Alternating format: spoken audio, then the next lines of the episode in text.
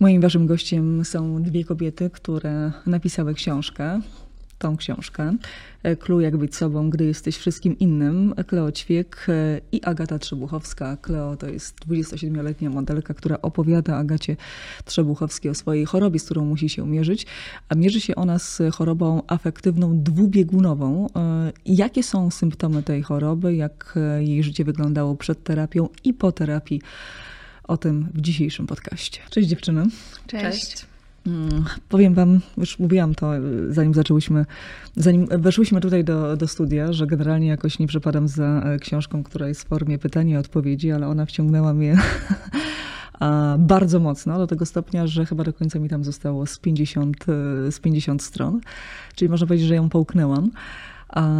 I zanim o książce i o, e, o tym, e, o czym Kleo opowiada, e, to chciałam zapytać takie proste pytanie, może już też, wielokrotnie gdzieś tam padało, ale nie znalazłam odpowiedzi. Jak, jak na siebie w ogóle trafiłyście? Trafiłyśmy na siebie w taki sposób, że rok przed propozycją napisania wspólnie książki, ja się zgłosiłam do Kleo z propozycją rozmowy do wysokich obcasów, takiego mm, zwykłego, zwykłego wywiadu po prostu. E, o Kleo wspomniała mi moja przyjaciółka. Mm, powiedziała, że jest taka fantastyczna dziewczyna jak Kleo, która jest e, modelką i założyła fundację Można Zwariować i zajmuje się odtabuizowaniem e, zdrowia psychicznego. Pomyślałam, że to jest ciekawy pomysł. Zgłosiłam się do Kleo, przeprowadziłyśmy rozmowę. I rok później napisał do mnie Paweł Goźliński z Agory z propozycją rozwinięcia tej rozmowy w dłuższą formę. Mhm. E, co innego wywiad, a co innego książka. No, trzeba ze sobą spędzić e, kilkadziesiąt chyba godzin, żeby napisać e, taki materiał. Miałyście jakieś takie momenty, nie wiem, trochę przesytu siebie, jakiegoś, no, jakichś trudniejszych, trudniejszych momentów? Nie, w ogóle nie. nie, zupełnie. Szczerze mówiąc, y, mam wrażenie, że pisanie tej książki, no jasne, okej, okay, to jest też inaczej, jak piszesz książkę, która jest jakąś twoją historią, mhm. y, a inaczej, jak piszesz książkę na jakiś dany temat na przykład, ale porównując y, doświadczenia moich znajomych i przyjaciół, którzy mieli doświadczenie pisania książki, pracy z wydawnictwem i tak dalej, to mam wrażenie, że my miałyśmy w ogóle jakąś super łatwą przygodę i w ogóle super łatwą przeprawę i wszystko nam po prostu jakoś szło bardzo łatwo. To chyba widać w kontekście tego, jak to się czyta i to, to co wam powiedziałam wcześniej, czyli połknęłam tą e, książkę, bo po prostu jest fenomenalnie e, napisane.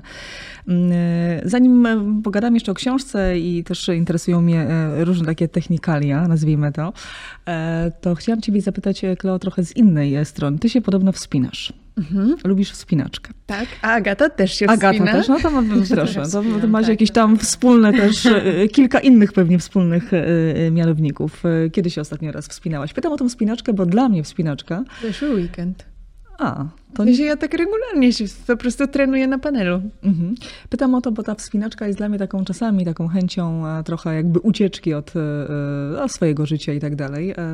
Może to porównuję do mm, Himalajstów, z którymi też e, miałam okazję swego czasu dosyć mocno gdzieś tam obcować i z ich, ich rodzinami. I takie zdanie często gdzieś tam się przewijało, że to jest trochę jakby oderwanie się od swojej rzeczywistości i ucieczka. E, to można tak pejoratywnie postrzegać właśnie jak teraz powiedziałaś, a moim zdaniem to jest bardzo medytacyjne zajęcie, takie mm, nawet dosłownie wczoraj o tym z kimś rozmawiałam, że mam wrażenie, że wspinaczka, w sensie trening wspinaczkowy jest taką bardzo medytacyjną formą sportu, dużo bardziej niż jakikolwiek inny sport, dlatego że E, musisz być całkowicie obecna w tej sytuacji, dlatego że jak zaczniesz sobie myśleć o czymś innym, no to spadniesz, mhm. nie? A to nie o to chodzi. Więc musisz mieć 100% e, skupienia na tym właśnie tu i teraz. E, a mnie interesuje i medytacja, bo mam startup i robię aplikacje do medytacji, a tym samym jest to jakieś takie przełożenie i jedno z drugim jest bardzo tożsame. No to już odpowiedziałaś na moje kolejne pytanie. Ja propos chciałam zapytać o, ten, o tą aplikację, którą wiem, że y, uruchomiłaś. Um, ale też chciałam cię zapytać o to, co daje tobie medytacja. Hmm, mam wrażenie, że w ogóle takie skupienie na, na sobie, na tym, jak się czujesz, wiesz, y, w takim pędzie i w takim życiu, gdzie cały czas musisz coś robić, wydaje mi się, że czasami ciężko złapać ten moment i e, wiele, to, to, też wyszło trochę z tego, że czytałam o wielu osobach, które mnie interesowały i na przykład Ariana Huffington jest takim super przykładem, która założyła Huffington Post, która w pewnym momencie się zorientowała, że jej życie nie jest do utrzymania takie, jak jest, ale ona musiała do tego się tak przepracować i tak przemęczyć, mhm. że zemdlała i złamała kość policzkową, nie? I potem poszła w ogóle w inną drogę i założyła w ogóle e, inny inną firmę, która się zajmuje właśnie takim bardziej mindfulness i takim bardziej uważnym podejściem do życia i do pracy. I wydaje mi się, że to jest taki chyba ogólny shift trochę w społeczeństwie tego, że zaczynamy się skupiać na tym dobrostanie i zaczynamy mieć też to takie trochę bardziej uważne na siebie podejście.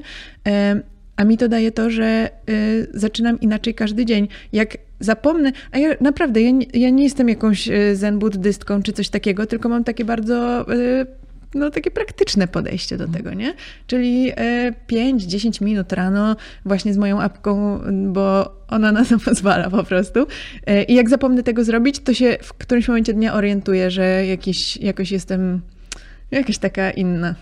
Pytam o to, wiesz, bo myślałam, że to też jest e, może w kontekście książki o tym, jak opowiadasz o chorobie, jest to jakiegoś rodzaju, nie chcę używać tego, to jest nieadekwatne słowo, terapia, ale w jakiś taki sposób jakby innego mm, rozpoczęcia swojego dnia. Mhm.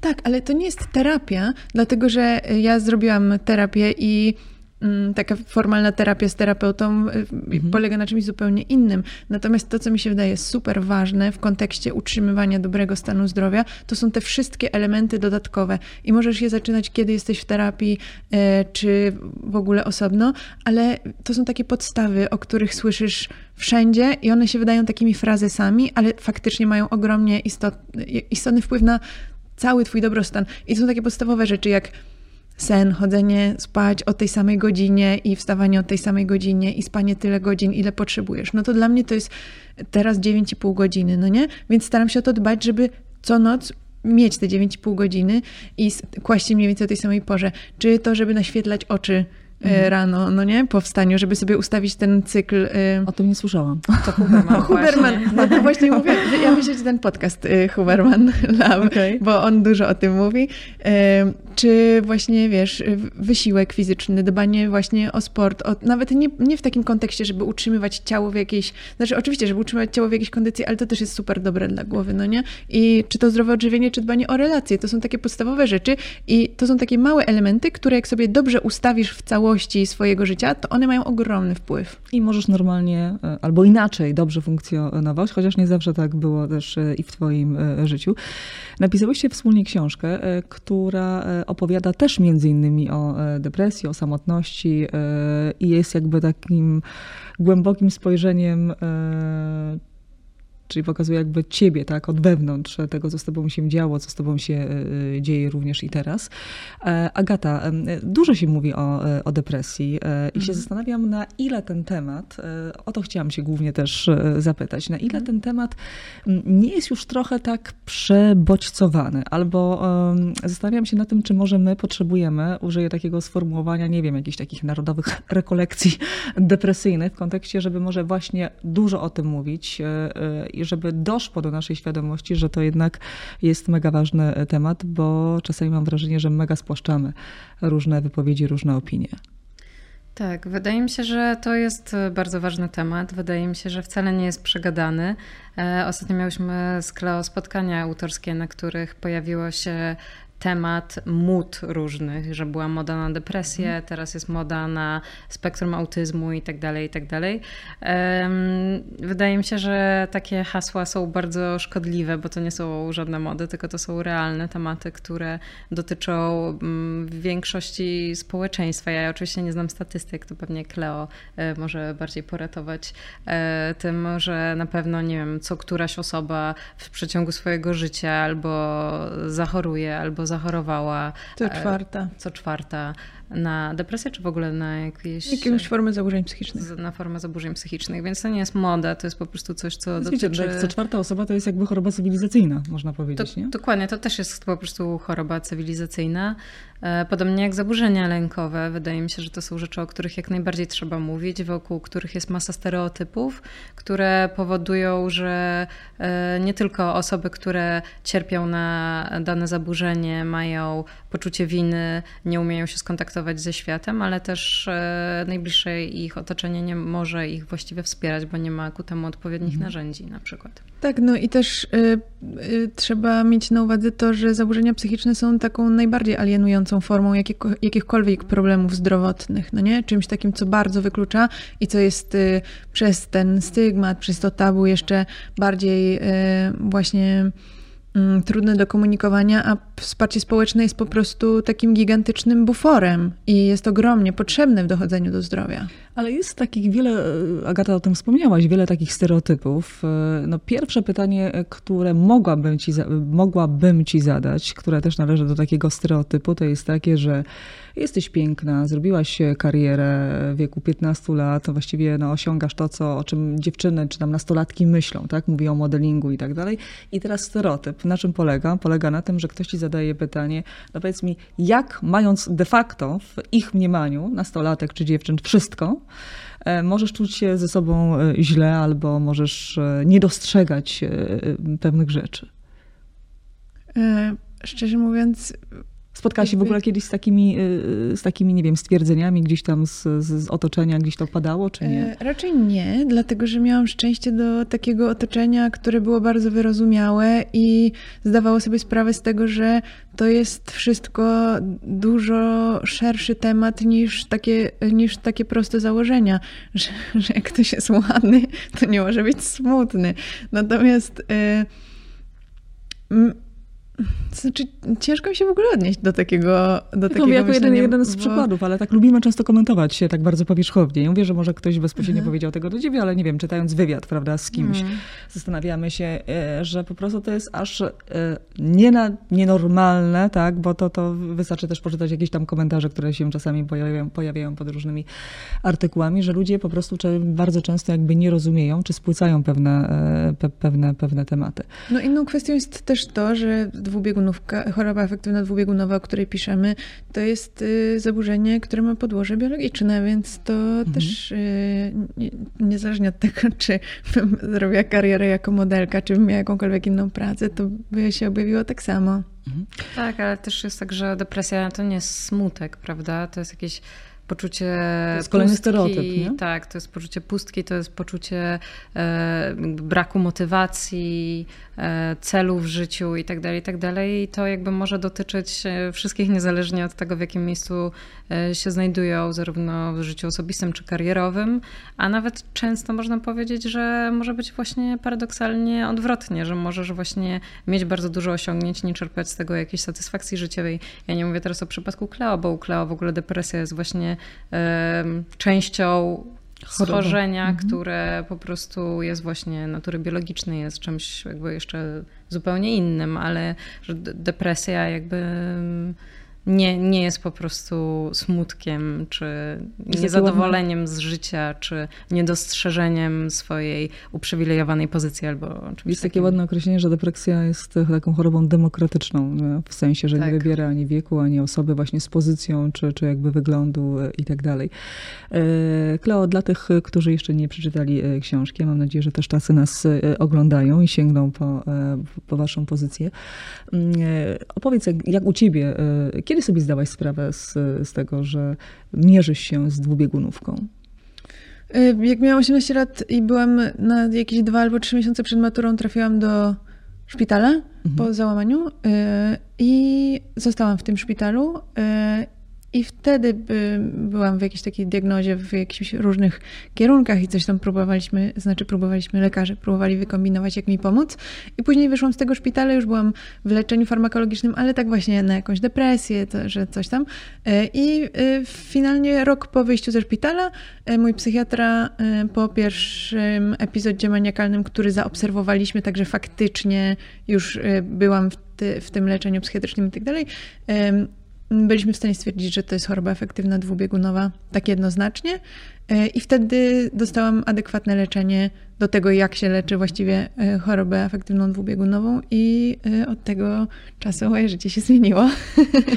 E, zanim się zmieniło, trafiłaś do, do, do szpitala psychiatrycznego, to nadal też mam wrażenie, no, wiele jakichś tak, też tekstów napisałam do tygodnika Polityka a propos polskiej psychiatrii, że jest mhm. zapaść, że bardzo często też a propos stereotypów nie lubimy o tym mówić, bo nie wiemy jak, z czym to się je i to powoduje, że jest pewien taki dystans. Jesteś w szpitalu psychiatrycznym. Jakie e, z e, Chciałam Cię zapytać, jak, e, krótko mówiąc, tam jest? Jakie są formy terapii? Czy to jest tak, że masz terapię indywidualną? Czy są terapie zbiorowe? Jak to wygląda? No jak, jak trafiłam do szpitala, to od razu y, chciałam stamtąd wyjść Aha. i już iść do domu, bo mam maturę i ja nie mam czasu, żeby siedzieć w szpitalu. Ale to było wtedy niemożliwe, więc na początku po takiej wstępnej fazie buntu i że ja nie będę tutaj przychodzić na żadne jedzenie ani z nikim rozmawiać, uznałam, że to jest kompletnie bez sensu, dlatego że się też zorientowałam, że y, ja zostałam przeniesiona z, z, tego, z tej izby przyjęć, te, takiego oddziału pilnego y, na oddział dla dorosłych, a później na oddział dla dzieci, a na ten oddział, na miejsce na tym oddziale dla dzieci czeka y, kilkaset dzieci z całej Polski. I pomyślałam sobie, że strasznym by było z mojej strony teraz tutaj siedzieć obrażona i z tego nie korzystać, nie? I mm, to jak faktycznie było, to Rozmawiałam z bardzo wieloma psychiatrami, e, rozmawiałam z bardzo wieloma psychoterapeutami, e, ale mm, są takie chyba dwie drogi, że trafiasz albo na trzy tygodnie na diagnozę, a później po tej diagnozie możesz trafić na nie pamiętam, czy to są dwa czy trzy miesiące już tak na leczenie. I niektóre mhm. dzieci tam były, znaczy dzieci, to były głównie takie nastolatki, nastolatki. późne. Na, już tam na, te dwa, na ten turnus tam dwumiesięczny, czy tam trzymiesięczny na leczenie, ustawienie e, adekwatnych leków itd., tak itd., tak albo na te trzy tygodnie na diagnozę. I ja byłam właśnie na tym krótszym turnusie, miałam tam spotkania właśnie z, z psychiatrą i miałam, e, na początku miałam właśnie to podejście takiego buntu i że nie chcę, a później e, zmieniłam swoje myślenie, jak sobie to wszystko przeanalizowałam i uznałam, że bo, dlatego, że w polskich szpitalach pracują naprawdę wspaniali, wybitni specjaliści. To są świetni lekarze.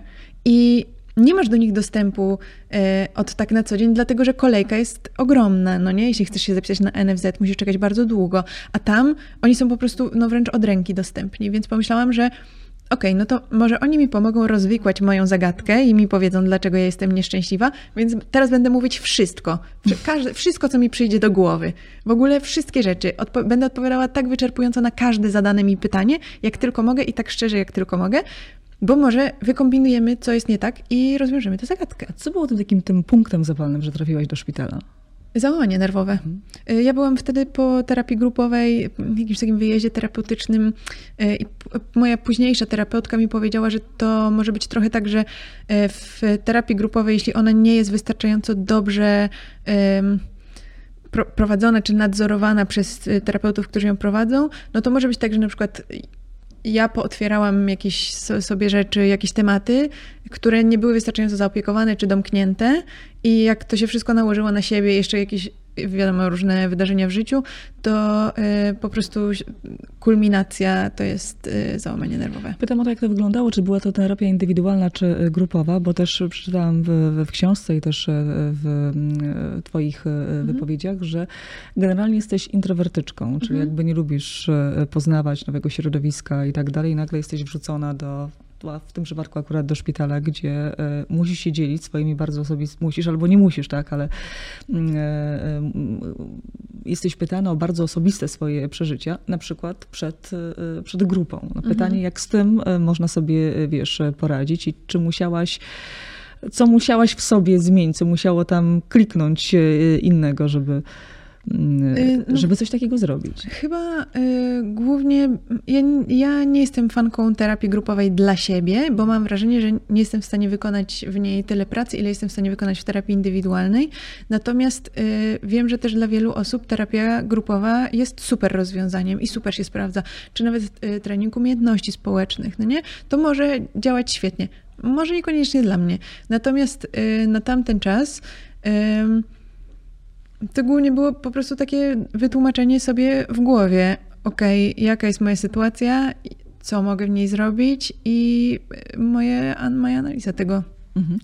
Pojawił się tam taki wątek list, y, listów samobójców. E, może to jakoś szerzej e, nie, opisać? Nie, to był... List pożegnalny. Tak, jak trafiłam do szpitala pierwszy raz, jest coś takiego w szpitalu jak społeczność, mhm. czyli takie spotkania rano e, wszystkich pacjentów i wszystkich, wszystkich pracowników oddziału i na oddziale dla dzieci i młodzieży był taki zeszyt, w którym każda osoba, która wychodziła ze szpitala, mogła napisać list pożegnalny. Okay. Ale jak, jak to był mój pierwszy dzień, to nikt nie zaanonsował tego, mówiąc, że to są listy pożegnalne osób, które wyszły ze szpitala, tylko że to jest list, e, jakiś taki list pożegnalny, Co więc zabrzmiało to naprawdę jak odebrać. E, dosyć dramatycznie, jakby właśnie ktoś sobie zrobił jakąś krzywdę i, i zostawił jeszcze taki list. Więc y, po prostu słucham tego z takimi oczami, ale się szybko potem okazało, że te listy się pojawiają co chwila, więc to chyba by było dosyć radykalne, gdyby gdyby było to aż tak dramatyczne. Agata, mm, tak się czasami zastanawiałam, bo też mm, rozmawiałam z wieloma osobami, może bardziej, które miały depresję niż e, chorowały na, e, mm, na chorobę dwubieguno, e, dwubiegunową, ale Zawsze jest taki moment, gdzie zastanawiasz, na ile możesz się posunąć, chociażby na przykład w zadawaniu e, pytań, na ile ta granica też nie zostanie e, przekroczona. Jak tutaj siedzicie, mam wrażenie, że macie, e, jeszcze jak widziałyśmy się przed, że macie świetną relację. To zapewne też jest kwestia wielu godzin spędzonych razem. Czy ty, nie wiem, czasami zastanawiałaś się, że, że może nie powinnaś poruszać pewnych tematów, albo może to jest coś takiego, co, mm, albo inaczej, co zrobić, żeby nie przekroczyć tej bariery? Jak rozmawiać? Hmm, muszę przyznać, że nie miałam wielu tak, tego typu dylematów, ponieważ. Um, no, z, z, paru powodów. Po pierwsze, dlatego, że. Znałyście się wcześniej. Nie, właśnie nie, znalu, nie znałyśmy się wcześniej, nie licząc tego jednego spotkania um, w, w, celu przeprowadzenia rozmowy do wysokich obcasów. Wiadomo, że takie rozmowy zawsze się prowadzi z poszanowaniem e, granic. Nam też nie zależało w tej książce na jakiejś niesamowitej wiwisekcji. To nie miała być terapia i jakby chciałam w tej książce jakby poznać Cleo i żeby mógł czytelnik ją poznać, ale w taki sposób bardzo, jakkolwiek by to może nie zabrzmiało dziwnie, ale użytkowy, w sensie, że chodzi o to, co z tej historii może czytelnik wziąć dla siebie, co pomoże mu później albo komuś bliskiemu e, nie wiem, jakoś zintegrować e, pewne treści, pewne, pewne, pewne niespójności na swój własny temat. I jak z tym e, iść dalej, co można zrobić, do kogo udać się po pomoc, jak może zmienić swoje nastawienie w paru momentach. Więc to nie chodziło o to, żeby po prostu docisnąć Kleo jak najbardziej w jej osobistych kwestiach, tylko żeby po prostu wyciągnąć taką esencję, która może być przydatna czytelnikowi, więc e, też raczej wiedziałam, co jest mi zbędne. Potrzebne. Jakby nie mhm. chodziło mi o to, żeby po prostu no, no, naciskać na jakieś bardzo newralgiczne punkty. Zawsze jest taki moment, jak e, autor chce w, namówić też swojego gościa do, do tego, żeby stworzyć coś większego niż tylko wywiad, że mm, no nie, nie, we wszystkie projekty, nazwijmy to w ten sposób, człowiek wchodzi. Co dla ciebie było, Kleo, ważne e, przy napisaniu tej książki? Ja nie miałam w ogóle wątpliwości, że my powinnyśmy ją napisać. Znaczy, ja w ogóle nie miałam po, takiego pomysłu, żebyśmy kiedykolwiek napisały, napisały książkę, ale to przyszło do nas jakoś tak całkowicie przypadkowo, ale też jakoś automatycznie obydwie się na to zgodziłyśmy, ale przede wszystkim dlatego, że e, dokładnie pamiętam, jak zrobiłyśmy ten wywiad do Wysokich Obcasów, ja e, krótko wcześniej miałam to doświadczenie też robienia jakichś innych rozmów do innych magazynów i takie doświadczenie po prostu, no, przepisywanie ich od nowa dosłownie, e, bo nie byłam zadowolona z tego, jak, jak one wypadły i, um, i potem dostałam tę rozmowę od Agaty i zaczęłam ją czytać i tak sobie pomyślałam, wow, to ja się tak wypowiadam, wiesz. Muszę zmieniać. To ja mówię takie rzeczy, taka jestem mądra.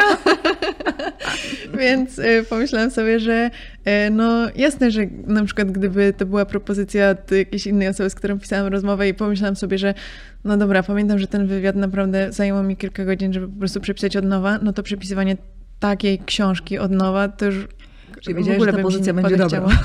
Więc, ale, ale właśnie wiedziałam, że Agata ma te jakieś wybitne umiejętności, więc y, że, to będzie, że to będzie dobrze zrobione, no nie? Nie miałam jakichś takich obiekcji, bo właśnie pamię pamiętałam, jak bardzo ta nasza rozmowa różniła się od wszystkich innych, które zrobiłam wcześniej.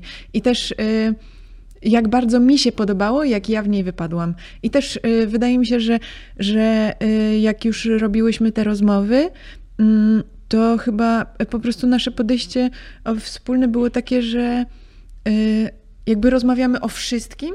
W sensie ja, ja mówiłam wszy, wszy, jakoś nie wiem, ja nie miałam żadnych takich obiekcji, czy nie, nie zastanawiałam się, czy teraz coś Agata wykorzysta przeciwko. W ogóle nawet nie miałam chwili takiego zastanowienia. Mówiłam wszystko, wszystkie, wiesz, wszystkie naj, najbardziej prywatne elementy, wszystkie jakieś nazwiska, jakieś takie rzeczy, bo to bardziej miałam takie podejście, wow, muszę ci opowiedzieć, jaka mi się jeszcze inna historia przydarzyła, albo teraz pomyślałam, że w ogóle może to może być ciekawe, albo coś takiego. I więc, więc y, po prostu miałyśmy to wszystko. Em, ale później ym, robiłyśmy bardzo, bardzo, bardzo dużo edycji i tego, wiesz, no ja mogłam opowiedzieć jakąś taką bardzo prywatną historię, Mhm. e, z której nie wszystkie elementy są potrzebne czytelnikowi, żeby Mhm. jakby one nic nie wnoszą. Mhm. Więc ostatecznie uznawałyśmy, że one są niepotrzebne, albo że są zbyt prywatne, albo na przykład, że dotyczą kogoś innego i że to nie ma sensu, żeby w ogóle to Myślę, tutaj że aż tak umieszczać. głę- głęboko e, nie ma to Tak. akurat e, żadnego znaczenia. A jak ci się e, żyło, zanim postawiono diagnozę, na co jesteś chora? Jak pamiętasz ten okres życia? Wiem, że to jest pytanie bardzo otwarte i szerokie, ale takie obrazy, które ci przychodzą na myśl. E, Jednym z takich obrazów, które ja zapamiętałam, Mhm. to jest między innymi to twoje dzieciństwo, tak? e, które powoduje, że ono było jednak inne niż e, chociażby twojej siostry. Mhm. Wydaje mi się, że byłam po prostu taka bardzo nieszczęśliwa, bardzo samotna i bardzo niezrozumiana i y, przede wszystkim gdybym ja sobie wtedy miała powiedzieć, że możliwym jest czucie się tak, jak ja się czuję teraz, dzisiaj i w, odniesieniu jakby do siebie i do świata, to bym w życiu w to nie uwierzyła. W sensie wydawało mi się, że coś, coś, y, coś to jest... ym, Coś to jest nie tak, że, że to nie może być tak, że ludzie są na przykład szczęśliwi na co dzień. Że, a jeśli tak jest, to co jest ze mną nie tak, że ja nie mogę taka być. I nie, nie potrafiłam dojść do tego, jak to działa, albo czego tu brakuje, albo czego mi brakuje. No i finalnie się okazało, że można to załatwić. Ale zadawałeś sobie takie pytania, też między innymi w tym okresie na pewno do e, dorastania i e, no, pytałaś się, no, e, nie wiem, rozmawiałaś z rodzicami, czy, czy o, tym się w domu mówiło, o tym twoim samopoczuciu? Mm, Chyba nie, chyba po prostu wszyscy jakoś byliśmy z tym jesteś- okej, że jestem, no jakoś, że taka byłam, po prostu jakaś dziwna, nieśmiała, e, wycofana i jakby miałam swoje zainteresowania i, i tam sobie siedziałam przy kąpie, czytałam książki i jakby, no okej, trudno, ona już taka jest, nie? Mhm. E, Versus moja siostra, która była bardzo towarzyska i bardzo otwarta i zawsze potrafiła sobie poradzić, e, cokolwiek potrzebowała, to od razu załatwiała z innymi ludźmi i tak dalej, a jej mówiłam na ucho, bo byłam taka wstydliwa.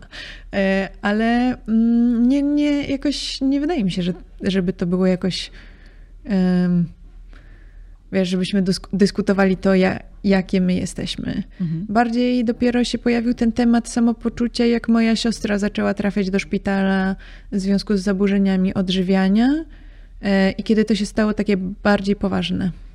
Okej. Powiedziałeś, że twoja choroba ma podłoże biologiczne. Czy Mhm. ktoś w twojej rodzinie e, chorował na to? Nie wiem. Mhm. Ciężko to stwierdzić, no dlatego, że tak naprawdę mam wrażenie, że nasze pokolenie jest takim pierwszym, które aktywnie szuka odpowiedzi, aktywnie się diagnozuje, aktywnie szuka sposobów, żeby poprawić swoje samopoczucie, jeśli czuje, że coś jest nie tak, ma dużo mniejsze. em, Wiesz, to, to, to tabu jest też dużo mniejsze wśród, wśród nas, wśród naszego pokolenia, versus y, pokolenie moich rodziców czy moich dziadków, gdzie y, ciężko dalej jest taką osobę, nie wiem, 50, 60, 70. Że w ogóle Plus to jest taka namówić- zmiana pokoleniowa, że Tak. nawet nie mówię o twojej chorobie, ale na przykład depresji, to często ludzie nie rozumieją. No weź idź do roboty, prawda, albo wstań, zrób coś z sobą. Nie Tak. potrafią tego zrozumieć, że człowiek jest całkowicie pozbawiony, y, pozbawiony sił. E, Pytam też, to, to jakby kieruję też do was, nie, nie tylko do Kleo. E, to pytanie, e, skoro no, jesteśmy bardziej świadomi, przełamujemy pewne e, tabu, a, to inaczej jeszcze zapytam Agata, czy to jest, czy Chloe jest pierwszą osobą, z którą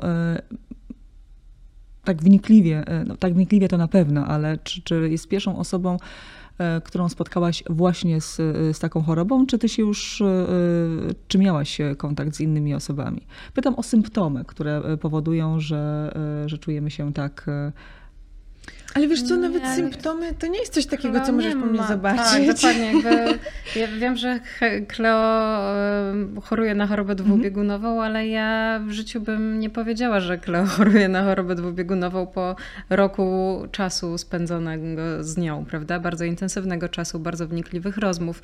To nie jest coś, co widać. Kleo nie ma symptomów. Kleo jest też w leczeniu, więc to jakby jakby nie jest tak, że można to o niej powiedzieć. Wiem, ale pytam o to specjalnie, bo to jest jakby kolejny mit, który można gdzieś tam e, tak. obalić, bo brzmi to dosyć, e, e, znaczy jest to poważna choroba i brzmi poważnie, w związku z tym takim następstwem, takim pytaniem, które absolutnie się nasuwa, to jest to, z jakimi ty wcześniej e, swoimi doświadczeniami musiałaś się mierzyć, e, albo właśnie jakie symptomy mogą się pojawić. Ale mm, pytam o to, ponieważ Kleo, ty powiedziałaś w jednym z e, wywiadów, że no masz różne też samopoczucia, prawda? Mhm. Raz jesteś bardziej otwarta, raz czasami bardziej zamknięta. Przy okazji na przykład pracy nad startupem, gdzie to wymaga od ciebie teraz takiego mega dużego zaangażowania, że to momentami nie jest twój okres, prawda? Że chcesz mhm. się gdzieś tam, może nie, że wycofać, ale chcesz może nie pracować, czy, czy jakby masz inną wizję tak, e, siebie. Dlatego pytałam o pewnych symptomach. Czy przez ten rok pracy, na przykład, nie wiem, były takie momenty, że Kleo właśnie nie chciała, nie, nie miała ochoty na, na, na, na, e, nie miałyście ochoty w, wspólnie rozmawiać. Tak, to nie było, ale jasne, oczywiście, że były różne momenty, różne nastroje i co jest też ciekawe, jakby nawet właśnie nie jakieś niezwykłe, mm, po prostu to jest rok czasu. Każdy z nas czuje się bardzo różnie na przestrzeni tego roku czasu i pamiętam, że e, był moment, w którym Cleo powiedziała, że e, na którymś spotkaniu właśnie przechodzę przez najlepszy epizod depresyjny w moim życiu. Tak, też I mi się to przypomniało właśnie. Ja w tym czasie też zaliczyłam epizod depresyjny w trakcie pisania tej książki, a potem jakiś krótki epizod lękowy, mimo że nie mam jakby zdiagnozowanej żadnej jednostki chorobowej, e, więc jakby to jest totalnie normalne, że na przestrzeni roku każdy z nas może jakby, jakby już pytasz o nastrój, no to wiadomo, że tak, ale może mieć nawet dłuższe okresy, w których czuje się jakoś, w których jakieś jego funkcje społeczne działają gorzej albo inaczej po mhm. prostu. Klau, chciałeś coś powiedzieć a propos tego tak, pozytywnego, bo... chyba najlepszego tak, epizodu tak. depresyjnego. Bo właśnie mi się co przypomniało... po prostu wręcz takie zdanie, jak, takie kuriozalne wręcz, prawda? W kontekście depresji najlepszego epizodu depresyjnego. No tak, ale właśnie mi się to, dokładnie o tym samym pomyślałam, że faktycznie było tak, że spotkałyśmy się w, rel, w, w, rela, w relaksie w kawiarni i e, ja przyszłam i dosłownie usiadłam i, i miałam łzy w oczach, bo tak mam, jak przechodzę jakiś epizod depresyjny. Oczywiście, jeśli jest się w dobrym leczeniu, to te te wahania są dużo mniej skrajne niż jak się nie jest w leczeniu w ogóle. Takie no dużo, dużo, dużo mniej skrajne, ale w dalszym ciągu mogą być odczuwalne, no nie? I, I dosłownie przyszłam i miałam łzy w oczach i aż mi było głupio, no bo jakby nie, tutaj się nic nie stało, nie, nie było mi tak smutno, że, że coś mi się stało i że mogłam to nawet jakoś wytłumaczyć, ale potem sobie pomyślałam, że bo pierwsza moja myśl to była taka, że odwołam to spotkanie y, i po prostu się spotkamy w kolejnym tygodniu albo w kolejnym, jak już się będę czuła trochę lepiej, bo wiedziałam, że to na pewno przejdzie i to minie po prostu. Y, ale pomyślałam, że może właśnie nie, że spotkajmy się tak, jak mamy się spotkać i porozmawiajmy o tym, bo ja mam dużo przemyśleń i po prostu, mimo że się czułam tak fatalnie, I to zrobiłam notatkę w telefonie, i jak sobie robiłam tę notatkę, to mi kapały z oczu łzy na telefon, no i więc musiałam go wycierać, ale potem przyszłam na to spotkanie z Agatą i miałam dokładną notatkę tego, jak się czuję w epizodzie depresyjnym, bo wiesz, też to jest tak, jak na przykład ja już się czuję dobrze i mam takie dłuższe okresy, że się czuję naprawdę bardzo dobrze, stabilnie i wszystko jest ok, to łatwo jest zapomnieć mm. jak to jest się źle czuć, jak jesteś w epizodzie depresyjnym. I e, nierzadko było tak, że mm, właśnie przez to, że moja siostra też się leczy, na depresję i tam jakieś kilka lat temu, kiedy jeszcze to było dla niej dużo trudniejsze, ona mi mówiła o swoich doświadczeniach, o tym, jak się czuje, a ja miałam takie podejście, że no, dasz radę, wiesz, bez przesady, w sensie... No, to o czym mówiłam. Po prostu aż mi było głupio, że w ogóle to mówię, Aha. E, ale i, i myślałam sobie o tym, że wow, i ja mam takie doświadczenia i gdyby ktoś mi tak powiedział, to to by było po prostu dla mnie, wiesz, trudne do wytłumaczenia, dlaczego ja nie mogę. A ja jej mówię, no już dasz radę, nie? Mhm. To, I to w ogóle tak nie działa, więc bardzo chciałam zanotować konkretnie, jak się czuję, jak, co, jakie są te objawy, co mi się dzieje, po to, żeby móc to umieścić w tej książce. Tak, bo to jest, przepraszam, że tak się wejdę w słowo, ale to jeszcze w kontekście tego twojego pytania o depresję, właśnie to jest mega kluczowe, co mówi Kleo teraz, że nawet osoby, które mają takie doświadczenia i są obdarzone jakąś po prostu niesamowitą empatią, strasznie trudno jest zrozumieć osobę w depresji, jak się aktualnie w niej nie tak. jest po prostu. I tak jest chyba właściwie, jak się zastanowić nad tym, z większością w ogóle uczuć. Trudno jest przypomnieć sobie, jak się czuło dokładnie, jak się, nie wiem, w trakcie rozstania, albo nawet w jakimś super euforycznym momencie, jak się w nim aktualnie nie jest. Po prostu taka Myślę, pamięć emocjonalna jest bardzo tak. jakaś ułomna i strasznie trudno jest właśnie tak naprawdę poczuć drugą osobę w epizodzie depresyjnym, ale też pewnie w innych epizodach, jeżeli się aktualnie w nich nie jest. Dlatego trzeba właśnie się zalewać trochę informacjami na ten temat, mhm. myślę, żeby jak najbardziej zbliżyć się do tego punktu po prostu. Ja nazwałam to symptomy, to może też nie jest do końca adekwatne e, słowo, ale e, o ile o depresji słyszymy, o ile o chorobie e, efektywnej dwubiegunowej trochę mniej i dlatego nazwałam to symptomami, ale generalnie chodzi mi o to, i jeżeli ktoś ma pewne spadki swojego nastroju i tak dalej, co nie musi się od, od razu wierzyć oczywiście z chorobą, ale mm, co jest takie charakterystyczne e, dla tej choroby? E, że to są stany euforycznej manii i stany skrajnej e, depresji. I tak jak czasami, to jest najśmieszniejszy dla mnie komentarz zawsze, jak się z nim spotykam, jak słyszę, że ktoś mówi, no Wiadomo, ja też jestem czasami szczęśliwa, a czasami jestem smutna, więc czy każdy ma dwubiegunówkę?